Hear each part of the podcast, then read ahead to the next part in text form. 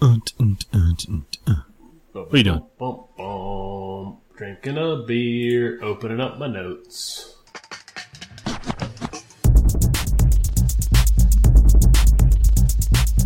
This week, Mike and I share the influential songs from our past that made us into the men we are today.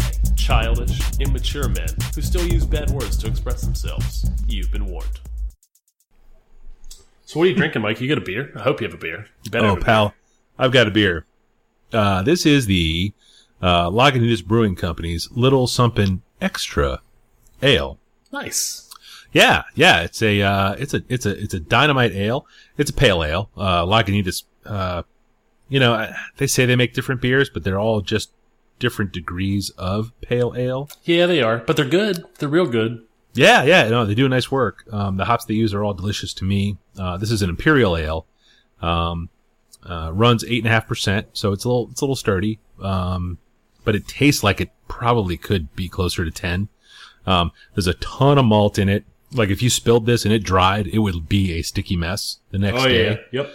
Um, uh, but it's a good one. I love it. Uh, the Little Something Something is sort of a normal release for them. Little Something Extra is the imperial version of that same beer. Nice. Um, but I love it. What uh, what are you drinking over there? I am having a Sierra Nevada Rain Check. It is a Um, I have not heard of that one. it is a spiced stout. Comes in weighs in at eight point nine ABVs. Uh, it is a stout, uh, and I'm getting a lot of spice off of it, as you'd expect from a spice stout. no, wait. What's your what's your spice? Is it like a Mexican spice, like a spicy spice? Mm-mm, no, no, no, just a lot of. Mm, it's the better parts. It almost to me tastes like the better parts of a pumpkin beer, which I'm not a fan of a pumpkin beer. Yeah, When they get too sweet, I don't like them. yeah. Uh, this this reminds me a little bit of uh, the Warlock from Southern Tier. oh, I haven't had that one in so long. I don't remember it. Uh, this is made with uh, burnt sugar, Yeah, uh, is there nutmeg in it? ginger, lime, Mm. um, and roasted dark roasted malts. Ooh, And I'm getting a lot of the ginger off of it, yeah. uh, and certainly uh, the dark malts. It's very good. Not a. Gotta tell you, I'm not a huge ginger guy in general. Really? I enjoy a ginger snap, the gingerbread man. Oh, I like Um, I like candied ginger, chocolate covered candied ginger is the jam. all out. Ginger beer is for sure. I am out. Uh, makes it very easy. You don't like a dark and stormy? no, Oh No. man, they're so good. I enjoy some of one, but the the ginger is just too much. I just don't. I don't know. I can I I, don't can it. drink those till I throw up, and I have. Can and have. Ah. Yeah. Blur. Who wants to see my dinner? Uh, again? We watched it the first time. Uh, ooh. That's all bad. That's all bad. Yo. Um, is there anything follow up that we should No, no follow up here. We're, No this is this here. is uh this is a, an episode lost in time. lost in time? Yeah, follow up will be next week. Excellent. Um, so then, uh, how do we decide who goes first then? Uh, I think I think uh age age gets the win here. Ah. I'm hoping so. I'm doing I'm going chronological. ah, okay. I'm not. Okay, well, let's see. Let's hear. Let's battle. How old is your first song? Uh, my first song is from 1993. Ooh, I win. 1988. Uh, okay then. If yours is older, then I guess you have to go first. Yeah. So the song is "Parents Just Don't Understand" by DJ Jazzy Jeff and the Fresh Prince. You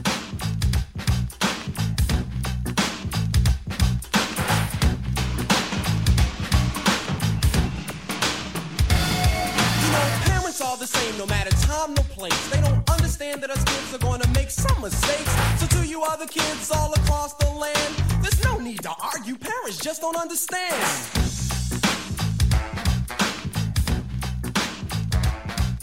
One of the first cassette tapes I ever owned. Uh, it was indeed the first cassette tape I ever owned. Really? Yes, the the first. Uh, played on my first cassette tape player. Aw. I don't know the brand, but it was certainly one of those little kid ones with the big buttons. Yes. It was nineteen. it was 1988, and I was in third grade. Oh God. So I was exposed to my first rap tape as a seven year old. Um, Totally reasonable. and I played the ever living fuck out of that tape. It's he's he's the DJ, I'm the rapper. You know, and man, it's so good though. it is. And I just spun, I not spun. Uh, I rewound and fast forwarded the hell out of that cassette tape Rewind. and Yes. just played it into the ground. Uh, Yes. I did it in my room, like upstairs. My parents didn't want me downstairs playing uh, rap music. No. I guess, or just playing the same songs over that. and over. Yes. I like rap music and I don't want that. Yeah, but uh, man, I hmm, I went went real deep. Played Yeah. almost all the songs off that, but parents just under, parents just don't understand was the kind of the standout tune for me. Yes. Kind of the the big introduction to rap for me. Um, I'd heard some other rap stuff on the radio a little bit, but rap wasn't getting a lot of radio play back then. Yeah. Um, God, but that was that had a huge video. I mean, yeah, that thing yeah. was so like the the, full media very press. much like yes. the the intro to the Fresh Prince of Bel Air. It's all that spray painted, uh, all that very uh, PG spray painted wall uh, uh, background stuff. yeah, yeah. Uh, Now to put it into context, Yeah. um, I, I assume everyone knows that I'm a lot older than you. I'm. Oh, I have an I have an old man. Mike fact. oh, So my old man Mike fact is this is the same year that Straight Outta Compton came out. Yes, uh, yes, which was in play I for me. I did this not week. know who NWA was for Yes. another six to Yes. seven years. You didn't know what the F word was. Exactly. or if I did, I said it on the bus and not at home.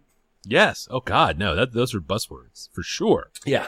For sure, for sure. No. Uh this was a uh I was I was definitely a uh let's see. If this came out let's see. Uh yeah, that was the start of my senior year of high school. Yep. I was I was uh starting third grade. And it was still really cool. Yes. Yeah. Still is still is today. I had a good time listening to it uh Yeah. in the lead up to to this. And you know Jeff does a lot of stuff these days. He's in that whole Philadelphia I Scene. did not know that. yeah. Huh. Yeah, still still makes records, still does uh, a lot of mixes, a lot of mixing and scratching. He's pretty plugged into that whole Philly crew, I guess. Uh, Okay. that it really is. I guess Questlove is probably the like He sort of Philly. figurehead of that. Oh but- yeah, yeah. yeah, yeah. but Um, let me. I'm. I you know I pulled it up. Let's see. Um, yeah. Oh yeah. Yep. Oh, that's got the. Oh yeah. Yeah. It's got the. Yeah. That's got all the good songs on it. Yeah. Absolutely. Mhm. That stupid Nightmare on My Street. Oh yeah. Oh, No, so that man. uh this that that album kind of led to uh unfortunately uh MC Hammer, Vanilla Ice, LL hey, Cool don't J. front on that first Hammer record. Oh, the popular I, one. Not I the very, being very Golden, first one. Golden Skate World and just bumping, just around around in circles, just bumping MC Hammer. I was in a uh, dorm room playing it all I could play it. Yes. Yes. Yes. I'm I, Good for all ages. Um, yes, it was. Yeah. Yes, it was. Which was sort of it was the big turning point because you know that was not you know certainly for suburban kids in Virginia. You know that was Much easier sell for the parents. uh well maybe you know if they heard you listening to it they Someone got had to a buy me that less cassette. yeah they got a lot less angry about it for Yeah. sure. I wow I don't know I feel like you've probably heard of I, I've only got three things and I think you've gosh I hope you've heard of two of them um but I don't know that I I, would set the over under at two we're a betting man. Um and I don't know which way I would go on it. Uh but for me my first one is uh uh the song is uh, it's called Gravity Grave. It's by a band called The Verve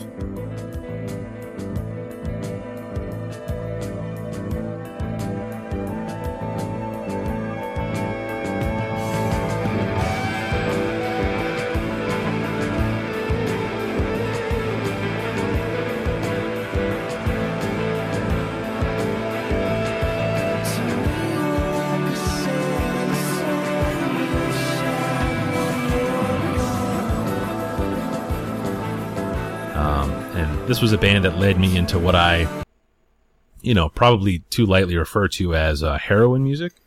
It's um, it's sort of a zoned out, minimal guitar sound. It's not uh, proper rock three minute rock and roll. So hold on. If you're a betting man, did you think I knew what this was? I was hoping against hope that you knew who the Verve. Totally, was, have never yeah. heard of them. Ugh, man, there was a song called Bittersweet Symphony several years ago. Sounds kind That of was very familiar.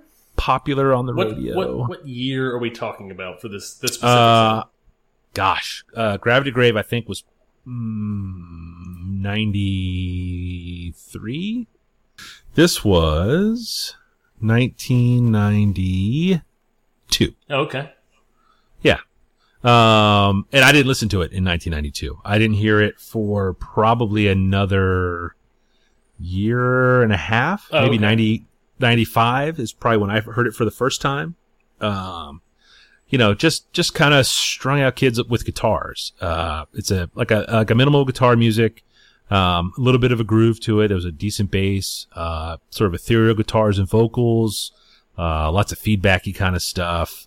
What was a Um, Mike Flynn doing in 1993 when he heard this? uh, in 1993, I was struggling against the idea of this music. Uh, my buddy Chris, uh, had heard these guys and was super into into them and, uh, just, kept, he just kept pushing. It. I was like, yeah, dude, there's, there's like, uh, yeah, the choruses are too far apart. If there are choruses, I don't understand what this music is. And frankly, you know, I kind of just want to listen to Rocket from the Crypt some more, um, which I did uh, a great A deal. lot, a we lot. did together. Yep. Yeah, for sure. Um, and then they were coming, they were on tour, uh, which was weird because they were sort of this nowheresville European band, English band. Um, but they were coming to DC and he bought two tickets and I went along and, uh, completely just cracked me open. It was insane. Uh, just, just huge washes of sound. Uh, the lead singer, uh, Richard Ashcroft, uh, he was referred to as Mad Richard back then. Uh, he's kind of a bit of a joke now, but at the time was just, it was the coolest fucking thing in the world. And that was it for me. I was, I was all the way in. Uh, got super duper into these guys, the whole back catalog, uh, which at this point was three years old.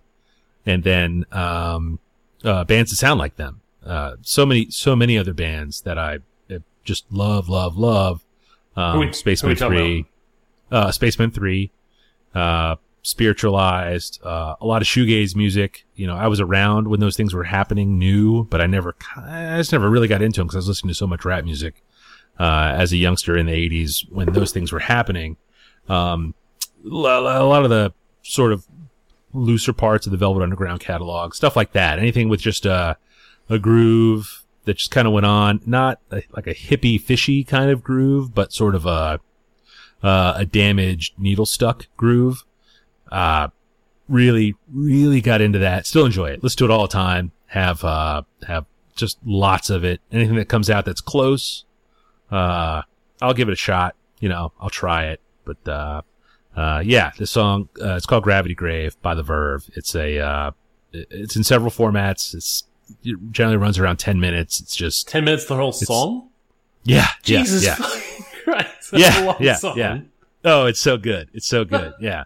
Yeah. Yeah. There's a, uh, there's a, a live version of it that, that tops 12 that is just insane. They were closing a, uh, like an early night of a festival and, uh, they're getting the signal that, you know, the, the set is over and the music just builds and builds and builds and it's just so good.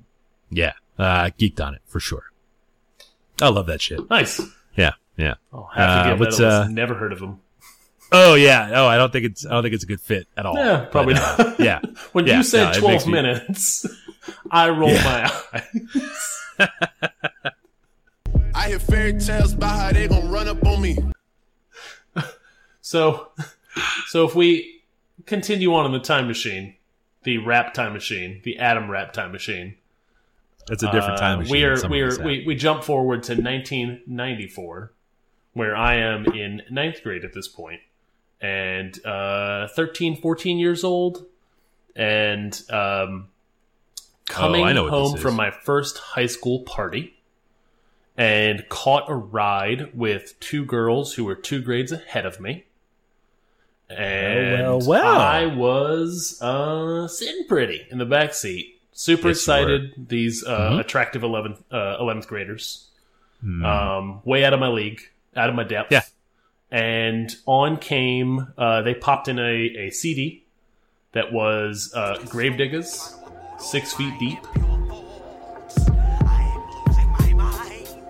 Can you please explain to this court when these problems first began? The year 84, November, day 10. Overwhelmed by the wicked inspirations of an evil gen. I realized my ideas has born for 400 years of blood, sweat, and tears. I saw the torture, brutal murder of my father. So my brain became stained with the horror. I'm having reoccurring nightmares. I'm being soaking wet, strapped and down to uh, the Gravediggaz jail. is I got tackled a kind of an offshoot, uh, kind of an all-star hmm, Wu Tang uh, affiliated group. Uh, the RZA and Prince Paul are in the Gravediggaz. Oh, I did not know there was a, a Wu Tang connection. Oh yeah, yeah, yeah. So the RZA and Prince Paul produced the whole album. Because I love Prince Paul. I know you do. Yes. Um, I had no clue who Prince Paul was. yes. But I latched onto this thing, and this was my first CD purchase in 1994. really? The Tabib household was anti-technology, still is. Um, not mine. I've met them. The, That the, makes sense. The, Yeah. uh, the old-timey Tabibs, uh, the elder Tabibs. Uh, Yes. We did not get an answering machine until a cousin bought one for us because he was angry and tired of not catching us and leaving a message. My dad was wholly against it. yes. So we bought our first He probably still is, I assume. Oh yeah, yeah, yeah. We bought Yeah. our first computer uh, in like 94, 93, 94. We had a Commodore 64, but I was a little kid. Nobody Yeah, yeah, yeah. So we had a we had a the one with the first CD drive. Yeah. CD-ROM drive was like 94, and the first CD I bought, with the only way to play it was to sit in the family computer room and just sit next to the computer and play this uh, CD. It, now, is this computer plugged into a television, or what did it have a Oh no, no, no! It had a Is that- monitor. Ninety four. We're talking Okay. monitors. We're Yeah. talking uh, like a four eighty six uh, processor. Oh shit! In ninety four. Goddamn superhero. Yeah.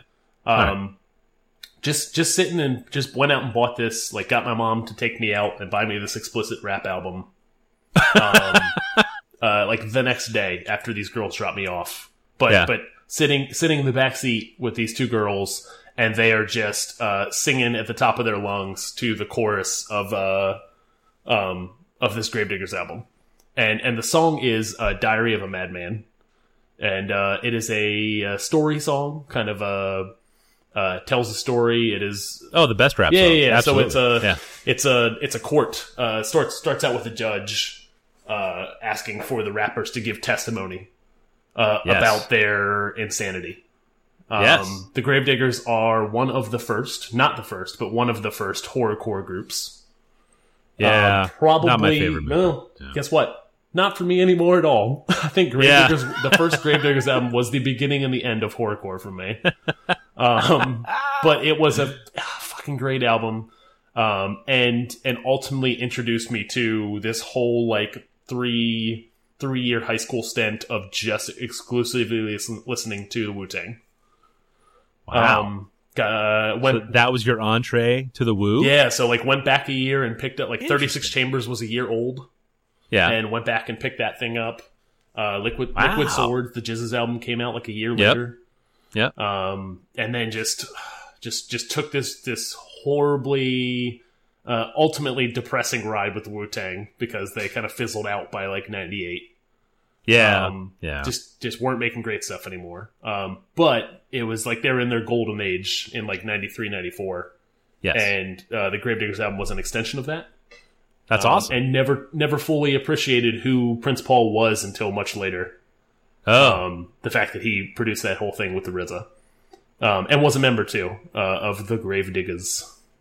that is that's kind of nuts. Hype, Hype in the Williams uh, did the video. Hype Williams did a lot Yeah, of Hype it. Williams did a lot of videos, but He did all Hype Williams rap was on this one as well. He was the big puffy guy, right? Wasn't that big? I think so. Wasn't it? Yeah. Yeah. So speaking of Puffy, old, old, old man Mike fact, or Yes. kind of point of reference. Uh, this is the same Yes. year that uh, "Ready to Die" uh, by Biggie Smalls, the the Biggie Smalls album came out, and I know Yes. you didn't listen to that much, Correct. but Yes. this is where I kind of everyone zigged towards Biggie and Tupac, and I zagged Yes. towards the Wu. Oh. So this was kind of like my So you're- departure from mainstream rap.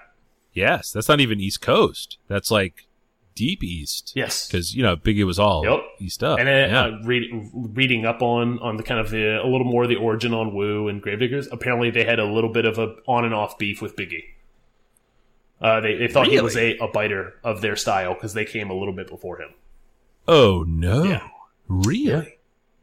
Huh, so yep, that was a fir- first Just- CD, uh, and uh, just this just trapped in rap for the rest of my life. Oh, I wouldn't call it a trap. Oh, it's a trap It's- I it's a- appreciate. and love. It's a great it's a great spot to Yeah. sit for sure, for sure. How about you? I mean, it ebbs and flows. It's like the tide. Um, let's see. My number two. Um, I'll preface by saying I have a, a deep love of '60s era soul music. Um, James Brown's, your Aretha Franklin's, your Ike and um, and that all stems from my love of a song by Sam Cooke, who you've surely heard of. I have. Uh, and that song is called "It's Only 16" is the name of the song. She was on the 16, on the 16. I loved her so, but she was too young to fall in love, and I was too young to know. We'd laugh and we'd sing and do the little things that made my heart glow, but she was too young. Um, Would I know this? I don't know the name. Would I know the song? If you I would know heard the it? song if you heard Okay. it. Yeah, yeah. And I won't pretend to sing it. Uh, but thank you. uh, We uh, all thank you. anecdotally, my parents uh, have always told the story about how this was the first song I ever loved. Um, would just sing along full throat at the radio whenever it came on, and I knew all of the words. Uh, as like four or five years old. Um, uh, Sam Cooke is often discussed in the mix as the greatest soul singer of all time uh, by people that know that kind of thing. Yeah. Uh, that's not me. I listen to a lot of soul music. I don't, I don't know who's who's. I know who's good. Um, I hesitate to call any of these guys bad because I really feel like I'm just kind of stuck sitting in the cream of this stuff. Um, uh, this guy's voice hits me in the in the just the best possible way. Um, whenever he comes on the radio, I never turn it off. Uh, I still listen to a fair amount of, I guess what they call oldies radio. What what, Um, what station plays the oldies in Richmond? Because I, God, I I don't no even know. It's the number four button in my car. It's moved around a couple times. Uh, when I was a kid, it was only on AM radio. It was the only thing my father would play.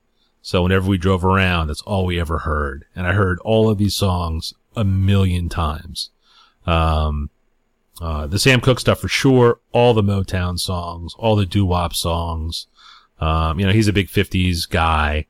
So, and, and he's from New York. So he's like super duper into all of those guys from back then. Um, uh, it's, it's, it's at a point where, you know, I mean, I'm a, I'm a, an old guy, as we've discussed uh, or mentioned certainly a number of times. I don't have young here, man Mike facts. but uh, uh, there's a song called "You Send Me" that Sam Cooke sings that I I cannot quite get through singing along to it without joking up.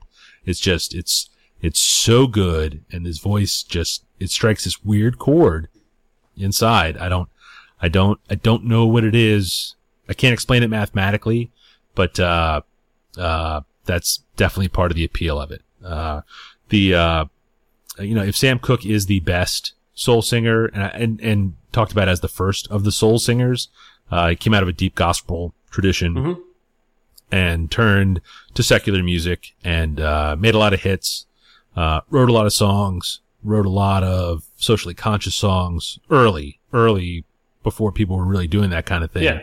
Uh, recognized that the record label model was biased against the performer, uh, started his own label, uh, did a lot of these things that are crazy, died way too young. Uh, and if this guy is the GOAT, if this guy is the greatest of all time, um, if that's where the bar is set, uh, then I'm okay enjoying a lot of guys, a lot of singers, not guys, um, that, that strive to, to reach that bar because they're reaching heights that are, uh, they're just so damn high. It's, it's such good music all the time. Um, I'll go weeks at a time listening to nothing that was put out after, uh, you know, my birth date. Uh, the, the sixties are, are a pretty fascinating time for soul music. And, uh, for me, my appreciation of that starts with Sam Cooke's, uh, only 16. Nice.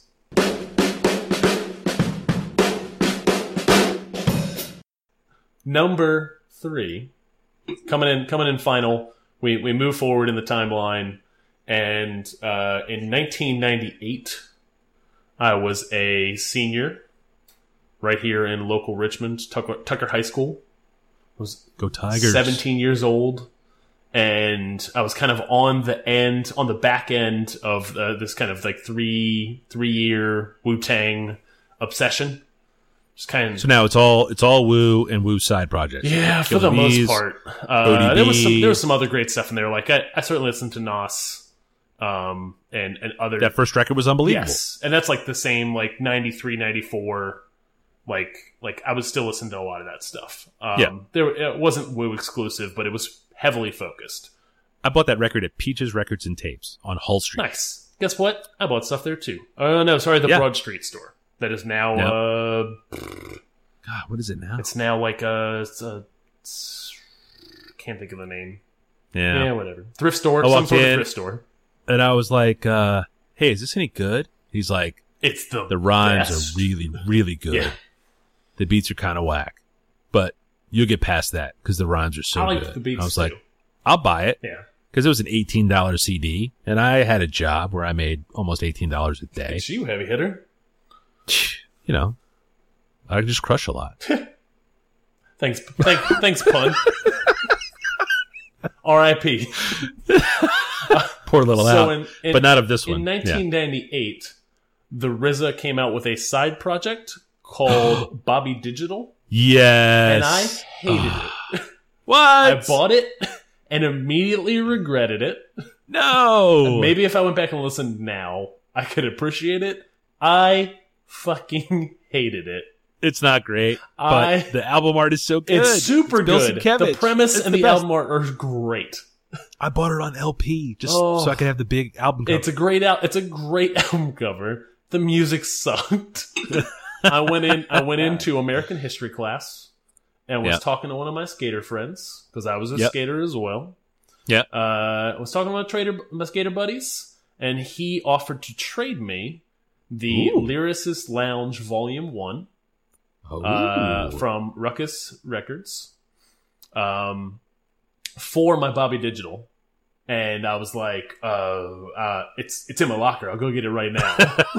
Late to class, traded traded immediately, and Yeah. was introduced or kind of was already kind of on the tip of uh, on the tipping point of uh, your Mos Defs, your black stars, your Q-tips, uh, Yeah. Talib Kweli, uh, KRS's KRS One's resurgence, um, Yep. your Jurassic Fives, uh, so many good bands. De La, yeah. De La Soul was on there. Um, they were the host for the whole thing. So Lyricist Lounge was a uh, late and they were old heads by that. Yes. point. Oh, yeah, they were. yeah. Yeah, so Lyricist Lounge was a late '90s kind of underground hip hop or this whole like Rawkus uh, scene. Yeah. Um, what just featuring was- guys. It was a show in New Yeah. York, and they would put on Yeah. these shows, and this was the first mixtape that came from that show. yeah. um, so it was the best of the best of the Yes. best. So, so a group called Word of Mouth, uh, also known as AKA Brooklyn Academy, uh, Hmm. had a song called "Famous Last Words." You middle aged men obliterate. I can burn you, I can learn you something violent, I can earn your title. Famous last words. I can defeat you, beseech you to retreat, delete you. Famous last words. Son, I blast you, I smash you, point my gat at you, bless you. Famous last words. I'm the toughest bragging, puffin' drags with eight heads in a duffel bag. Famous last words. MC scared of B squared, my style's intimidating. They mimic me timidly, simulating my symmetry. Claim they're innovating, I sin like Satan. Breaking it forward with flames, disintegrating. When they're taking it all in vain, main line and generating dollars I and followers played it into the same ground. time. Senior year, I had my first car.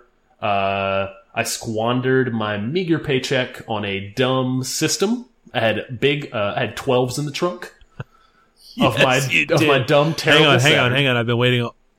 oh, 12's in the trunk. Yeah, That is the best. yeah. If you hear me before you see me, because I got King Kongs in the trunk.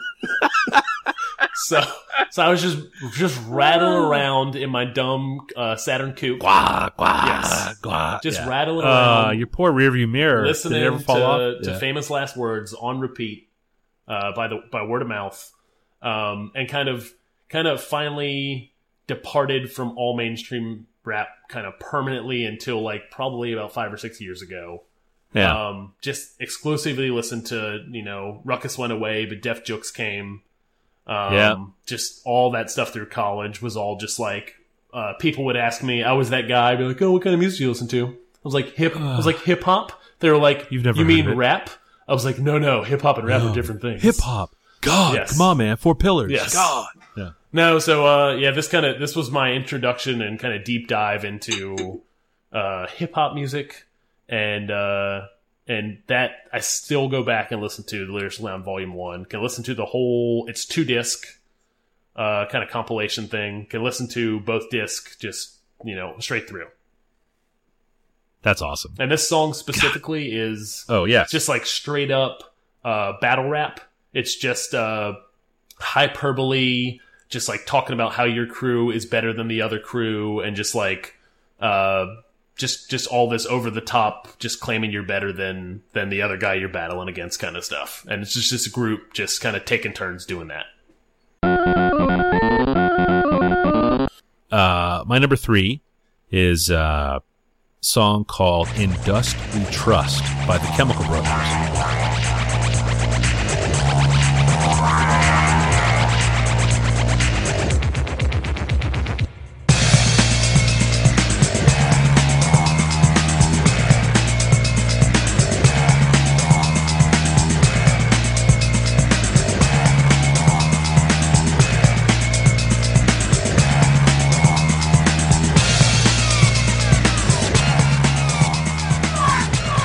Off their 1995 uh, debut album called Exit Planet Dust. Uh, they are English DJs. It's a duo. Yep. It's two dudes. The two dudes. Yeah.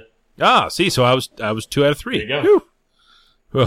Jeez. Um, uh, originally they they were just you know kids, uh, you know spinning records. They were called the Dust Brothers after the the production crew behind uh, Paul's Boutique, the Beastie Boys record. Okay, yeah. Um, but once they got a little famous, the Dust Brothers, the real Dust Brothers, uh, decided that that was probably not going to be free, so they changed their name to the Chemical Brothers. Uh, uh, the Dust Brothers, I'm a big fan of their work as well, both on Paul's Boutique and then later with Beck. Uh, they've done some stuff. Um, uh, personally, I, I'd always enjoyed kind of club music or, uh, rave music. Was probably what it was back then Yeah. in the early 90s. EDM was Uh, not a term I ever heard until uh, and I continue to not hear it. Uh, that's a, that was a weird bit of static that rolled up over there. Um, huh? Is this? God damn it, Skype! Jesus. Um, uh, but this was the probably the first time I run into something that was purely electronic that I would listen to in a recreational uh, sort of atmosphere. Um, uh, it doesn't hurt that they ended up uh, this, and and uh, I've loved these guys for a long time. Uh, In Dust We Trust is the second song off the album, and it's just fat and ridiculous. Uh, this kind of music, this kind of club music, uh, turned into something they called Big Beat. And there were a number of people that did it, uh, mostly in the UK. It never really got a foothold here in the US.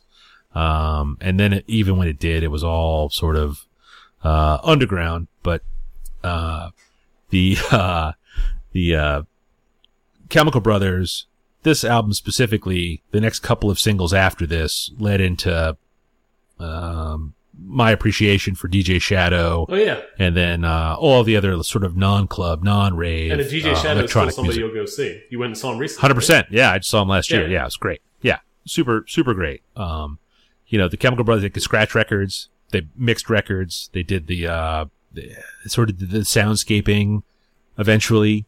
You know, a lot of it was dance music at first. That was the, that's the root of this is dance I did music. not realize they were associated with Beck. Uh, they are I not. thought you just said the, the, Dust Brothers. I'm confused about the origin story. Yes, the Dust Brothers are American guys. Ah, never mind. Got it. they did Beastie Boys and Beck. The Chemical Brothers did not. Okay. The Chemical Brothers refer to themselves as the Dust Brothers originally. Ah, that's where And then- going. Okay. and then the lawyers called and they were like, "You are not the Dust Brothers. We're the Chemical Ah. Brothers." Clearly, yes.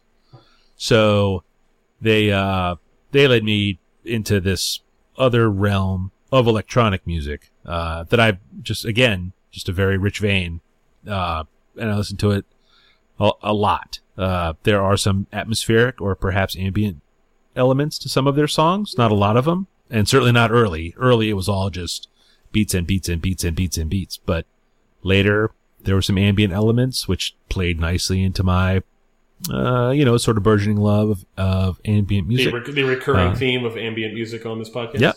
Yeah. Yep. Uh, it doesn't hurt. They had big fans in my uh, number one Britpop band, Oasis, uh, and later albums that had vocal uh, features. I guess is how you would refer to them. Uh, uh, where I was just drawn like I was a, a big dumb fly to all of the honey of Noel Gallagher singing over uh, Chemical Beats. Uh, they remixed a tons of things from Britpop bands. Um, and uh, I, I can't believe it was 20 years ago. Holy shit! It was uh, 1995's uh, "Exit Planet Dust." The song from that is "In Dust We Trust," and uh, it's the Chemical Brothers. And and I have heard I have heard over and over again the Chemical Brothers referenced and mentioned. I could not if you put put on anything by them right now, couldn't say who it was from. If you didn't, if you didn't tell me. Definitely. Uh, yeah, it's cool. It's cool, and it ebbs and flows, and they're you know, they dabble in some of the trends of electronic music over time. You know, they created several trends. It's all, it's all just good. I'm a big fan. Can you hear that? That's what quality sounds like. This was a lot of fun. Cool, I, yeah. I really enjoyed uh, Same. digging through some stuff. I was torn. I had like probably 10 different songs I could come up with. And I was like, we were talking about the other day. I was like, you know, this is a very uh, influential song, but I don't know if I want to tell this story. But yeah, Do you want to do the end of the podcast thing since we're kind of off? yes, we definitely should. Uh, Mike, where can people find you? Uh, I am uh, all over the internet as Falfa. That is F A L F A. Uh, I'm at Falfa on the tweets. I am at Falfa on Instagram, and on the internet, I am uh, at falfa.com slash blog. Adam, where are you? I am uh, Rec36 on the Twitter. And on Instagram, I can be found at 180 Lunches, where I draw during the school year a picture a night.